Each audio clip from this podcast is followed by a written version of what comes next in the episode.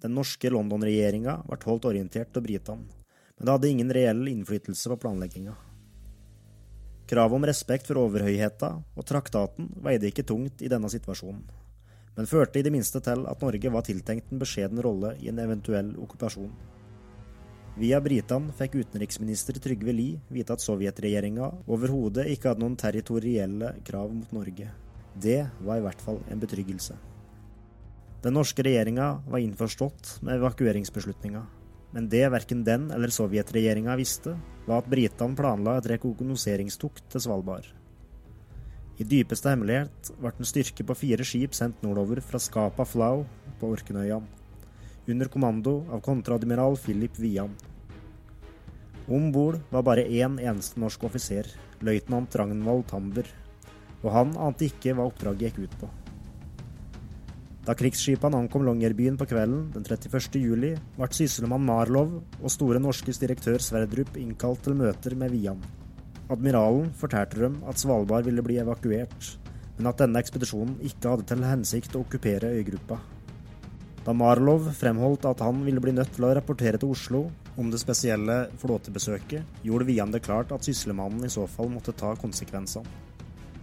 Den innebygde trusselen var dårlig skjult. I Longyearbyen ble bare løytnant Tamber og én marinegast etterlatt da rekognoseringsstyrkene forlot stellet. Vian hadde utnevnt Tamber til midlertidig militærguvernør, med alle fullmakter. Hans viktigste funksjon var å overvåke kommunikasjonen med fastlandet. Det måtte for enhver pris unngås at tyskerne fikk rede på hva som var i gjære. I de påfølgende ukene ble det vist stor oppfinnsomhet når det gjaldt å sende veiledende telegrammer tilbake til fastlandet. Vian hadde gitt inntrykk av at evakueringsstyrkene ville være raskt på plass, men det skulle gå nesten en måned før noe skjedde. I denne perioden befant befolkninga på Svalbard seg i stadig økende fare. Dersom tyskerne hadde ant uråd og sendt en styrke nordover, er det lett å forestille seg at represalier kunne blitt resultatet. Fra Longyearbyen pressa Tamber på å få fortgang, og fikk bl.a. hjelp til å sende telegrammer i kode via det russiske konsulatet. Først den 25. august sto flåtestyrken i Isfjorden. Barentsburg skulle evakueres først, en operasjon som langt fra var enkel. For den sovjetiske konsulen var slett ikke samarbeidsvillig. Med lempelig press ble imidlertid alle de 1218 russerne, konsulen inkludert, brakt om bord på Empress of Canada. Andre skip henta 638 personer fra Grumant og 99 fra Pyramiden.